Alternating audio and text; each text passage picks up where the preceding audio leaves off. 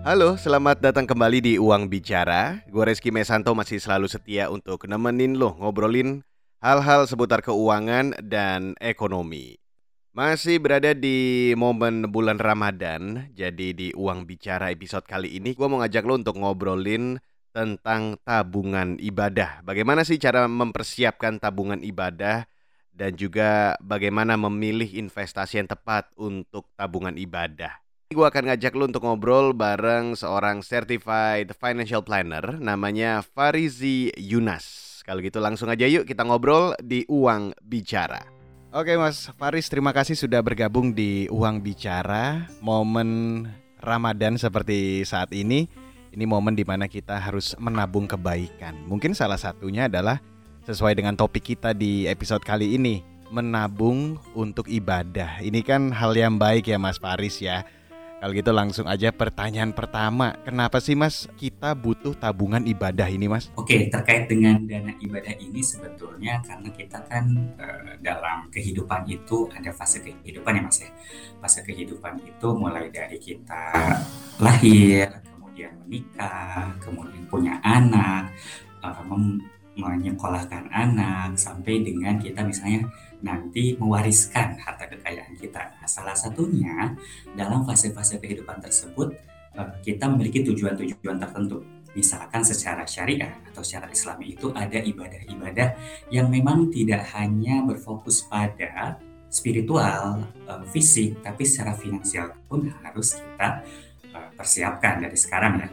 Misalkan kalau tujuan keuangan khusus dalam Islam itu misalkan ada menikah menikah juga perlu dananya kan mas ya. Kemudian memiliki anak itu nanti ada akikah juga. Kemudian pendidikan anak kita juga harus uh, menyiapkan sekolahnya bagaimana. Dan yang paling penting mungkin pada saat kita uh, menjalani kehidupan rumah tangga kita juga menjalankan ibadah seperti haji, umroh, kurban dan juga sampai menikahkan anak dan lain sebagainya. Oleh karena itu semua fase kehidupan tersebut otomatis kita perlu ya keuangan dan kita rencanakan sejak dini gitu karena uh, ibadah di sini tidak hanya cuman hablum minallah, ada juga hablum minanas ya Mas ya. Jadi kayak kita juga harus mempersiapkan sebaik-baiknya uh, baik itu fisik, spiritual, uh, emosional dan juga dari segi finansial. Oleh karena itu ada ibadah-ibadah di sini dalam Islam juga uh, membutuhkan kondisi finansial yang cukup ya otomatis harus disiapkan nih secara minimal dengan menyisihkan tabungan tadi yang Mas Reski bilang ya bahwa memang kita harus menyiapkan sejak dini tabungan ibadah tersebut. Misalkan tadi ada ibadah haji karena masuk rukun Islam ya. Hmm. ketika kita masuk rukun Islam itu hukumnya wajib bagi yang mampu dan harus direncanakan juga jauh-jauh hari nih. Dan dipertimbangkan juga jumlah dananya karena nggak bisa instan. Nah dengan adanya penyisihan tersebut ya insya Allah juga ke depannya akan mempermudah nih tujuan kita untuk bisa mencapai uh, ibadah tersebut. Kalau gitu Mas, kalau misalnya tadi Mas Faris juga sempat sebutkan ada beberapa ibadah yang memang harus dipersiapkan secara matang, khususnya dalam segi financial. Kita bicara misalnya haji, kemudian ya mungkin yang tahunan kayak berkurban itu kan juga sesuatu yang harus disiapkan secara financial. Kalau gitu pertanyaan lanjutannya adalah sebetulnya kapan sih waktu yang tepat kita mulai menabung atau mungkin berpikir untuk mau, mau ah membuka tabungan untuk ibadah?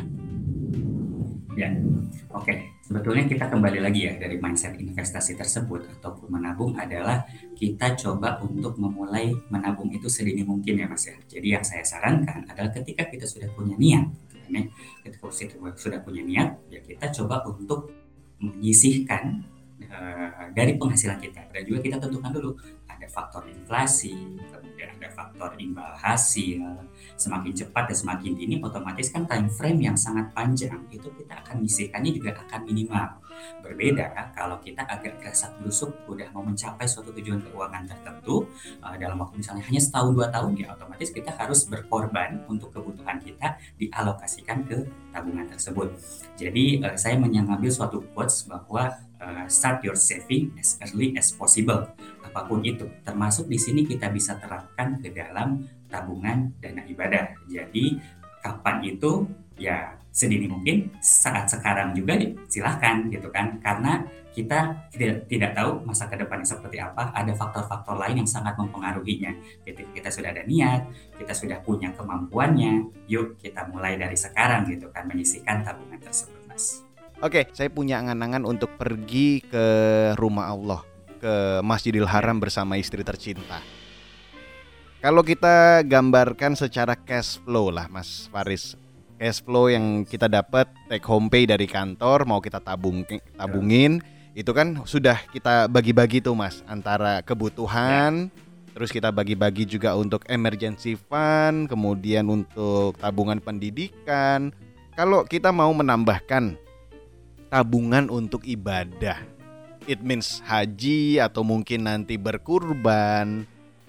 Yeah. Atau mungkin nanti umrah gitu. Itu sebaiknya dimasukkan ke source yang mana sih? Apakah itu dimasukkan ke dalam part investasi atau mungkin dimasukkan emergency fund atau apa, Mas? Oke, kita lihat dulu ya secara sepintas dari budgeting proses dari penghasilan kita. Memang karena ini personal finance pasti akan sangat unik nggak ada rule of thumb yang saklek gitu. Tapi yang paling ingat kalau investasi dan menabung itu adalah minimum. Biasanya minimalnya itu adalah 10%. Lebih dari itu it's good, it's better gitu ya. Jadi kita bisa lebih cepat mencapai tujuan keuangan tersebut. Jadi ini sedikit uh, masa financial planningnya. Nah sebetulnya porsi dari cash flow yang digunakan untuk tabungan ibadah itu atau dana ibadah itu tidak berbeda jauh dengan tabungan dan investasi pada umumnya. Misalkan kita juga sudah menyisihkan untuk dana pendidikan anak ataupun untuk mendapatkan aset baru. Nah, di situ kita juga langsung bisa memasukkan porsi dari dana ibadah tersebut. Yang paling diingat adalah bagaimana kita memprioritaskannya. Bagaimana kondisi cash flow kita? Apakah masih positif atau seimbang atau malah defisit? Nah, ketika ada penyakit-penyakit keuangan tersebut, kita harus lihat dulu kan, minimal dengan melakukan financial check up. Biasanya dengan financial check up tersebut kita bisa tahu nih, sebetulnya Mas ini ataupun individu ini visible loh melakukan tabungan untuk dana ibadah misalkan. Tapi itu sebatas advice. Masalah melakukannya itu kembali ke individu masing-masing. Jadi saya sarankan sebetulnya cash flow kita itu cukup untuk bisa mencapai tabungan ibadah sebagai tujuan keuangan kita sebagai salah satu bentuk kita dalam beribadah kepada Allah Subhanahu wa taala. Nah, dari perhitungan seperti itu sebaiknya ya, berapa persen sih Mas yang dianggarkan dari rata-rata mungkin orang saving untuk tabungan sekitar 20 sampai 30% dari eh, total salary ya. dalam setiap bulan. Kira-kira presentase ya. dari sisa 30 atau 20% itu berapa sih Mas yang ideal disisihkan untuk tabungan ibadah? Oke, Mas. Sebetulnya secara umumnya memang uh, tidak ada aturan yang baku ya, tapi kembali lagi ke tadi, resi minimal 10% tadi. Nah, kalau kita tidak memiliki utang, itu akan mendapatkan suatu privilege sebetulnya, Mas. Karena porsi utang itu maksimum itu kan 30% ya. Ketika kita tidak memiliki utang, kita bisa gunakan tuh realokasi dari jatah quote unquote uh, cicilan kita untuk dimasukkan ke dalam tabungan ibadah gitu kan. Kalau tadi misalkan oke okay, eh, saya punya sebetulnya uh, mampu untuk 20%. Nah, kita lihat dulu tuh time frame-nya, mana yang akan kita prioritaskan terlebih dahulu. Ketika kita, oke okay, saya ingin niat pertama mendapatkan nomor porsi haji misalkan. Hmm atau untuk berumroh dulu kita masukkan itu sebagai prioritas utama makanya porsinya bisa diperbesar hmm. gitu kan ya mas ketika kita punya juga opsi untuk dana pendidikan anak oke okay lah itu masih 10 sampai 15 tahun lagi itu bisa menjadi porsi yang kedua atau yang ketiga gitu kan nah pentingnya kita juga memapping kebutuhan kita di masa mendatang dan juga prioritas itu akan menentukan sejauh mana kita rela uh, tanda kutip untuk bisa menabung untuk dana ibadah di sini. Karena kita juga tidak bisa memaksakan ya mas ya. Kalau misalnya uh, individu tersebut atau mas Reski aduh saya cuma lima persen ya monggo. Uh, konsekuensinya apa? Akan lebih panjang sure. untuk bisa mencapai tujuan atau dana ibadah tersebut. Kalau kita rela untuk menabung lebih besar kita juga akan lebih cepat Eh, untuk mendapatkan tujuan uh, keuangan tabungan ibadah tersebut. Itu dia Farizi Yunas, seorang certified financial planner yang di episode kali ini gue ajakin ngobrol tentang tabungan ibadah. Obrolan gue nggak habis sampai di sini aja karena di bagian selanjutnya gue akan ngobrolin strategi tabungan ibadah. Jadi jangan ke mana-mana, tetap di Uang Bicara.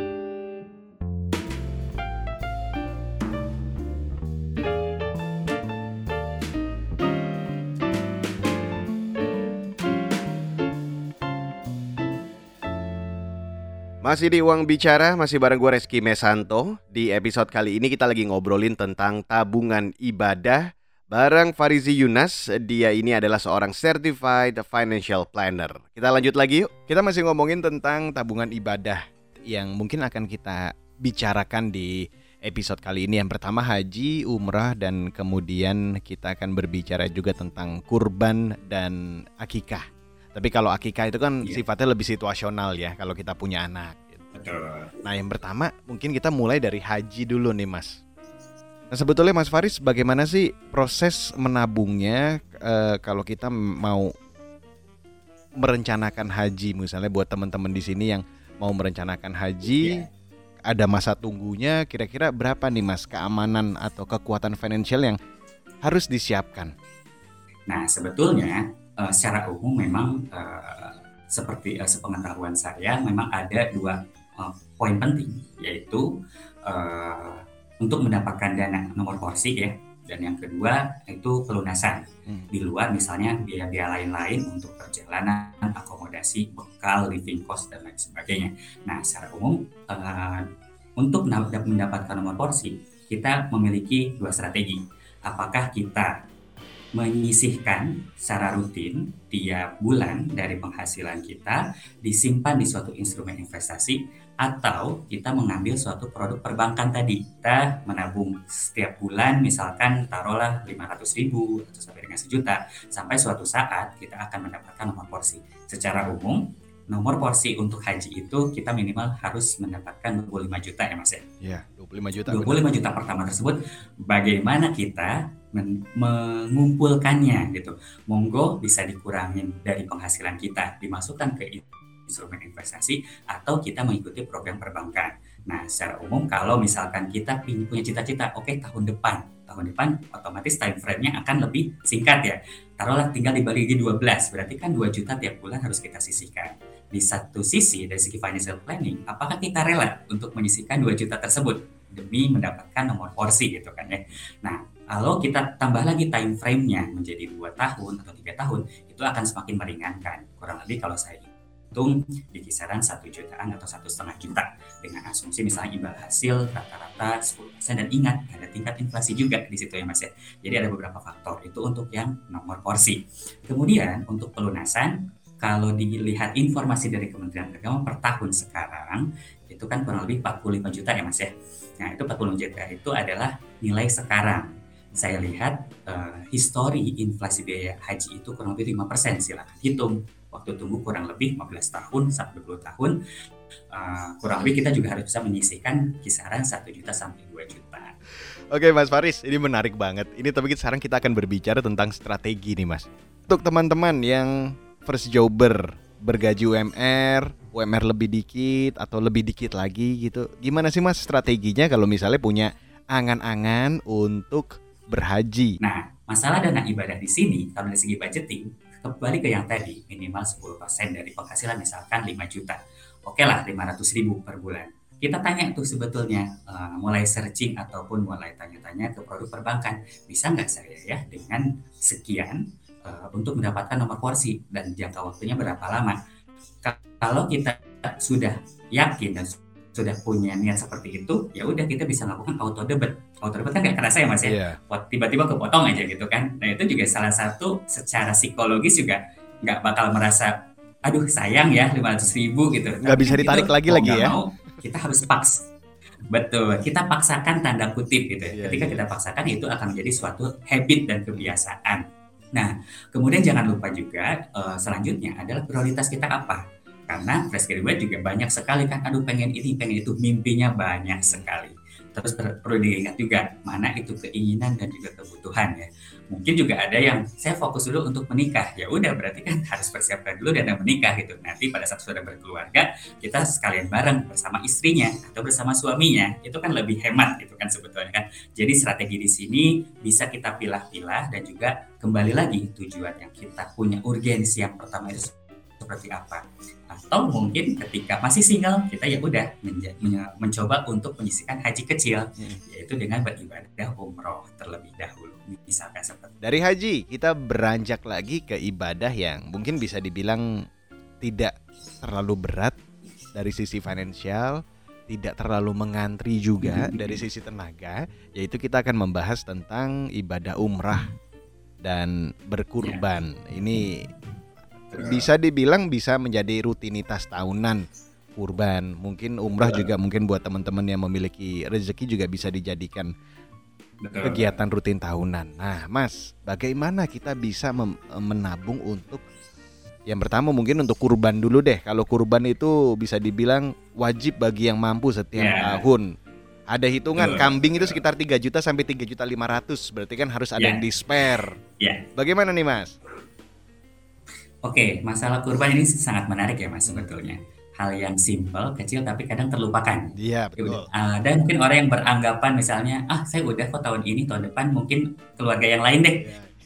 Tapi sebetulnya sebetulnya ketika mindset tersebut udah kembali ya ke pola pikir ya uh, bahwa ketika kita berkurban biasanya kita punya belief bahwa yang kita korbankan itu akan diganti beberapa kali lipat ya mas ya. Yeah. Iya. Uh, apakah itu berupa materi ataupun non materi kan? Karena ini juga perintah di dalam agama di dalam uh, Quran surat Al Kausar bahwa kita meneladani pengorbanan dan juga keikhlasan dari Nabi Ibrahim dan Nabi Ismail di situ. Nah dari tadi jumlahnya pun dari Mas Reski bilang bahwa kurang lebih 3 sampai tiga setengah juta gitu kan ya. Itu sebetulnya relatif ya. Apakah itu dibilang berat juga enggak, uh, ringan juga mungkin so-so gitu kan ya. Tapi di sini kita bisa mendapatkan strategi gitu kan. Oke lah, taruhlah average atau rata-rata kurang lebih 3 jutaan atau 4 jutaan. Dibagilah 12 misalkan, itu kan tahunan ya. Toh 200 ribu, 300 ribu is worth gitu ya. Sama halnya kalau kita beli makanan-makanan ataupun minuman kekinian, kita sisihkan ke situ juga lebih bermanfaat sebetulnya. Jadi kurang lebih uh, memang dari dari jumlahnya itu tidak terlalu besar kalau kita coba sisihkan tiap bulan dari penghasilan kita. Biasanya juga ada yang kita nabung sendiri, difasilitasi kantor juga ada, dipotong langsung dari gaji, atau misalnya di lingkungan RT RW, misalnya ini ada tabungan kurban, siapa yang mau ikut misalkan seperti itu. Itu yang pertama, kalau kita rutin dari penghasilan kita. Yang kedua adalah dengan mengalokasikan penghasilan non rutin kita. Misalkan dari mana? Dari bonus tahunan atau dari THR jangan lupa THR atau bonus tahunan jangan dihabisin semua ya. Kita jangan lupa oke lah kita sisihkan dulu nih untuk kurban minimal 3 juta, 3,5 juta. Sisanya boleh kita bagi-bagi ataupun kayak tadi kita akan top up untuk tujuan keuangan tadi. Tujuan keuangan misalnya saya mau nambahin nih buat dana haji saya gitu kan. Ataupun saya akan nambahin nih buat dana yang lain saya gitu. Jadi ada dua hal yang bisa kita lakukan lagi yaitu dari penghasilan kita kita bisa kurangin untuk uh, menyisihkan berkurban atau dari penghasilan tahunan kita kita langsung tuh lamsam ini pokoknya untuk dana kurban saya kalau untuk umroh sendiri bagaimana mas Oke okay, kalau umroh kan sifatnya itu sunnah ya mas ya yeah. maksudnya kayak tidak wajib nah umroh kalau sekarang uh, kisarannya itu adalah dananya 35 sampai 40. Dari masa keberangkatan umroh relatif lebih cepat. Kalau misalnya kita sudah punya dananya, sudah punya dana yang sebesar misalnya 30 sampai 35, kita bisa langsung daftar tuh ke berbagai travel. Teman-teman ya mungkin tadi dengan pendapatan ya UMR lebih dikit. Kalau kita nabung yeah. misalnya untuk 25 juta aja kita mesti nabung misalnya taruhlah 500 ribu itu bisa lima tahun berarti lima tahun kita baru mendapatkan nomor kursi sedangkan yang ngantri kan semakin banyak mas nah yang pertanyaan saya boleh nggak sih sebetulnya untuk ibadah itu kita melakukan investasi uang yang buat ibadah kita taruh di salah satu instrumen investasi atau produk investasi kira-kira kalau boleh ya yang paling aman yeah. yang dibilang nanti nggak riba itu yang mana mas dalam investasi tersebut uh, sebetulnya uh, tiap individu tersebut harus tahu dulu tuh sebetulnya profil resikonya seperti apa ya. Mungkin Mas Reski uh, profil resikonya itu agresif, yang suka saham gitu kan, ataupun yang tiba-tiba fluktuatif ataupun kripto misalkan. Tapi kalau saya uh, lebih cenderung yang konservatif, bisa di uh, obligasi, sukuk ataupun yang uh, returnnya lebih uh, rendah lah sedikit. Ya. Nah terkait dengan uh, dana ibadah di sini, sebetulnya investasi juga bisa dianjurkan untuk kita menempatkan dana tersebut yang tidak hanya di tabungan. Kalau Mas lihat bandingkan return dari tabungan dan juga produk investasi itu sangat jauh berbeda. Mungkin tabungan itu kurang lebih di 2% per tahun. Kalau kita bisa berinvestasi minimal kalau di obligasi ataupun sukuk atau di investasi syariah itu bisa 5-6% per tahun gitu kan. Nah, semakin tinggi returnnya biasanya itu akan semakin memperpendek. Jadi sangat sebetulnya kalau dihitung itu tuh sangat bisa visible gitu kan. Visible dalam arti uh, bukan berarti aduh berat sekali ya, tapi itu bisa kalau kita lakukan dan juga kita coba untuk uh, menerapkan ke instrumen investasi itu bisa. Kalau hanya menabung di perbankan, kita itu lebih besar, kurang lebih 900 ribuan per bulan. Kalau case-nya tadi ya. Jadi ini saya disclaimer dulu, ini perhitungannya juga uh, saya menggunakan average. Jadi kalau masing-masing individu bisa dilihat karena profil risikonya pasti berbeda-beda ya. Itu dia Farizi Yunas, seorang certified financial planner yang di episode kali ini nemenin gue untuk ngobrolin tentang tabungan ibadah. Mudah-mudahan ini sangat membantu dan semakin memantapkan hati lo untuk memilih kira-kira investasi mana sih yang tepat untuk tabungan ibadah lo. Terima kasih untuk lo yang selalu menantikan episode terbaru dari Uang Bicara setiap Kamisnya. Gue Reski Mesanto undur diri dari Uang Bicara kali ini. Tetap sehat, tetap semangat, tetap lancar puasanya, dan yang paling penting adalah tetap bahagia. Bye bye.